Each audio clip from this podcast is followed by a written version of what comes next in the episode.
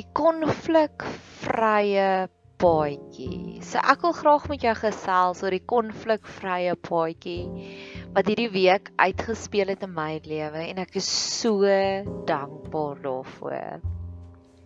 So hier is die opbou. Daar's iemand wat ek weet omdat ek omdat ons in bediening staan en omdat die Here terwyl dit hom terwyl nog in sy wil is my geplaas het as die leier van die bediening, kom daar sekere van verantwoordelikhede. So daar's ek het 'n bietjie van 'n ongemaklike posisie met een van ons spanlede.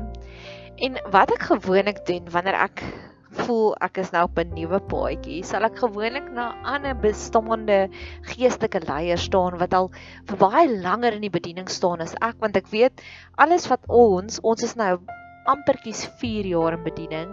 Alles wat ek nou beleef wat so nuut in bediening is, moet daar mense wees wat al reeds deur hierdie goeders gegaan het. So keer op keer wanneer daar 'n nuwe uitdaging kom en ek het nie actually 'n oplossing daarvoor nie, en dan wil ek wel vir jou sê, ek het my eie besigheid bestuur vir 'n hele paar jaar, so ek weet van wat se wêreldse maniere van konflik analiseer en wat se wêreldse maniere van grense in plek stel, maar hierdie is nie 'n besigheid nie, hierdie is 'n bediening. So ek weet daar is ander maniere om bedieningsprobleme op te los. En ek skakel my een vriendin wat al vir jare lank in bediening is en haar advies aan my is wat baie goed is en baie oulik is. Nadia, partykeer moet jy leer om jou big girl panties aan te dra. En sy sê jy het ook 'n verantwoordelikheid as die leier en jou verantwoordelikheid is om hierdie issue te adresseer. En ek sê ek weet dis hoekom ek jou bel en um en ek sê vir hom ek hou nie van konflik nie. En sy probeer dit nou vir my te herverpak as dit gaan nie konflik wees nie. En ek weet en ek voel toe nie baie gemaklik daarmee nie. Die volgende dag het ek 'n ander situasie in my lewe waar ek gaan met iemand bietjie klank word oor iets. En sy sê vir my maar jy weet jy sal jy sal basies maar al moet jy iemand push om dit te doen, jy moet dit push, nee, dis belangrik genoeg en ek sê ag nee. En ek sê vir weet jy wat, ek sit in struggle actually met 'n ander issue in my lewe en die die advies was presies dieselfde. Trek jou groot girl panties aan, push dit en ek sê uh so ja, dubbele bevestiging. Okay, doen dit nou maar. En in elk geval en ek gaan toe nou en ek het nog 'n afspraak, maar nou weet ek hierdie ja, veral die een gesprek lê soos 'n swaard oor my kop, want ek hou nie van konflik nie. Ek kan konflik doen, maar ek hou nie van konflik nie. Ek hou net nie daarvan nie. Ek weet daar moet 'n alternatiewe manier wees om hierdie probleem uit te sorteer. En elke week het ons as 'n span net ons hierdie Rehbot koffie afsprake en ek glo dit kom uit en uit van die Here af waar ons as 'n span gesamentlik pos druk in ons lewe. Ons kom vir 2 ure bymekaar ons drink koffie en ons vertel dis wat ons hierdie week geleer het by die Here dis ons uitdagings. Maar obviously omdat hierdie 'n span related kwessie is by my kan ek dit nie daar bespreek nie. En ek luister toe na wat almal sê. En op 'n stadium sê my een vriendin vir my Jy weet dat Jesus mos waarskynlik beere en leeu's geveg het en ek sê ek is so lief vir hierdie vriendin want sy is die mees randomste persoon. Random in Afrikaans is ewe kansig. En ek weet as sy iets so random kwyt raak dan weet ek ek moet luister. Ek sê vir haar tandjies, ek noem haar tandjies. Waarvan praat jy? Sy sê ja, ek dink dit staan in Markus en woeps, daar sê op haar Bybel app en sy sê kom ek gaan vir jou lees. En ons het letterlik ons het nie daaroor gepraat nie. Niemand het geweet oor my kwessie in my lewe nie want dit was dis 'n sensitiewe onderwerp en dit betrek baie van daai mense. So ek het nie die die die vryheid gehad om dit met hulle te bespreek nie. En sy lees daar en sy sê vir my sien Nadia Markus 1 vers 13 en hy was daar in die woestyn 40 dae lank terwyl hy deur die Satan versoek is en hy was saam met die wilde diere en die engele het hom gedien. En sy gaan Google toe nou vinnig en sy sê ja, daar was leeu's, daar was tiere, daar was Siberiese beere. Hy het dit alles geveg. 40 dae lank. Het dit geweet, Nadia? En ek sê nee, ek het dit nie geweet nie. Nou dink ek dadelik aan my gedagtes, okay Here, ek, ek hoor, dis 'n triple bevestiging, konflik, veg leeu's, dis okay, ek gaan maar. En sy sê my, maar weet jy wat? Uiteindelik nee, het hy hulle nie geveg nie. En ek sê vir haar niks van hierdie wat in my gedagtes aangaan van konflik, konflik, konflik nie. Sy sê daar waar die Heilige Gees is, daar is nie konflik nie. Die Gees was saam met hom. En ek sê Wow, en ek staan op en ek gee vir haar druk en ek sê haar, weet jy wat? Twee ander mense het my geadviseer trek jou wiggle panties aan. En dit wat jy nou vir my gesê het is nee, maar die gees is selfs al is daar beere, selfs al is daar leeu's, die gees sal die veiligheid vir jou terugbring. En dit laat my dink dat daar is hierdie belofte in Jesaja van wat hy sê, wat God sê selfs die leeu en die lam sal saamwaai. Daar was nie konflik nie. God se groter boodskap is konflikvry die heeltyd en ek geniet dit. En net daar kry ek hierdie epiphany. O, maar dit is hoe jy, jy kan wel 'n boundary in plek stel en ek het wel 'n grens in plek gestel. Maar die Here het vir my soveel wysheid gegee dat ek was dit was nie nodig om konflik te gebruik nie.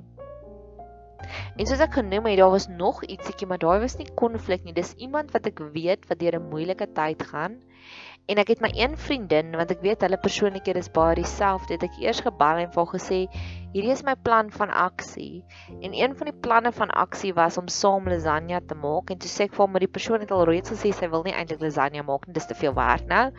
En dis toe sê my vriendin vir my, "Maar jy weet jy moet haar push." En ek sê jy moet haar forceer, selfs al wil sy nie, dit sal goed wees vir haar. Ek sê, uh, "En weet jy wat?" 'n paar ure later na hierdie waar die gees is, is daar geen konflik nie. Het ek wel vir die persoon gesê, ek is nog steeds lus om lasagne te maak. Wil jy by my kom sit? En sy het gesê ja. En dit was dadelik asof daai bevestiging was van ek hoef nie te gepush het nie. Ek het haar gevra en sy het uit haarself uit besluit om wel deel te wees daarvan. Dit was hierdie verhaal daar in Antarktika is daar visse wat daar swem en die visse omdat die water so koud word is die visse se naam die ghoulish ice fish. En God het antifreeze in hulle bloed gesit want God het geweet as hulle daar gaan swem sonder antifreeze gaan hulle bloed vries en hulle gaan dadelik doodgaan En ek glo dis die doel van die Heilige Gees. Soos my vriendinne vir my gesê het, die leeu's en die beere was daar, maar die Heilige Gees was saam met Jesus daar. Dus het hy hulle nie geveg nie, want dit was konflikvry. Net soos wat die Gaulish ice fish het antifreeze, hy het 'n superhero power binne in hom wat maak dat hy in daai koudste van die koudste omgewings kan oorleef kan floreer, kan reproduseer. Net so ek en jy met die Heilige Gees binne in ons kan ons in die moeilikste situasies geplaas word.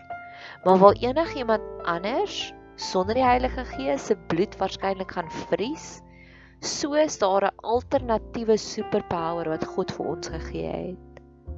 En dis 2 dae later en terwyl ek nou reflekteer daaroor vir oggend, onthou ek maar in Jesaja staan daar ook iets van sonder konflik. En dis waarna ek op soek is. Ek is op soek na daardie ek wil nie net dinge los nie. Ek weet ons moet baie keer boundaries in plek stel. Ek weet ons moet baie keer ferm wees. Maar ek is op soek na daardie antifreeze in ons bloed. Ek is op soek na die Heilige Gees se alternatiewe wysheid. En dis wat staan in Jesaja 2 vers 4. Hy sê nie los dit net so nie. Hy sê net daar's 'n ander manier. En ek gaan hom eers eerste vir jou lees in die 1933 53 vertaling en dan gaan ek hom vir jou lees uit die boodskap vertaling uit.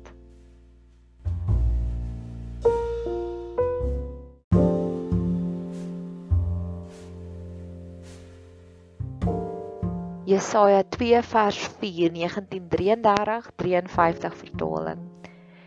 En hy sal oordeel tussen die nasies en regspreek oor baie volke. En daai hy is hoofletter hy. So God sal die oordeel en hy sal dit doen. En hulle, en dis ons verantwoordelikheid, sal van hulle swaarde pikke smee en van hulle spiese snoei messe.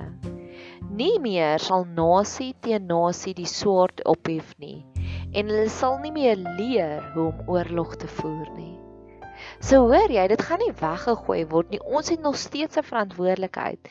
Maar in plaas daarvan dat ons wapens het wat skade kan doen, nou gaan ons tuingereedskappe hê. En ek sien ons elkeen se lewe is so. Ons elkeen se lewe is soos 'n tuin. En in plaas daarvan dat ek na jou toe kom met 'n swaard en afkap, gaan ek vir jou sê, weet jy wat, ek sien hierso's bietjie onkruid, maar ek het my spitvurk saamgebring en ek en jy gaan nou saam sit en hierdie onkruid uitvoer sodat jou blomme kan mooier plant. En ek gaan hom vir jou lees in die in die boodskap vertaling ook. Die Here sal geskille tussen lande en volke oplos.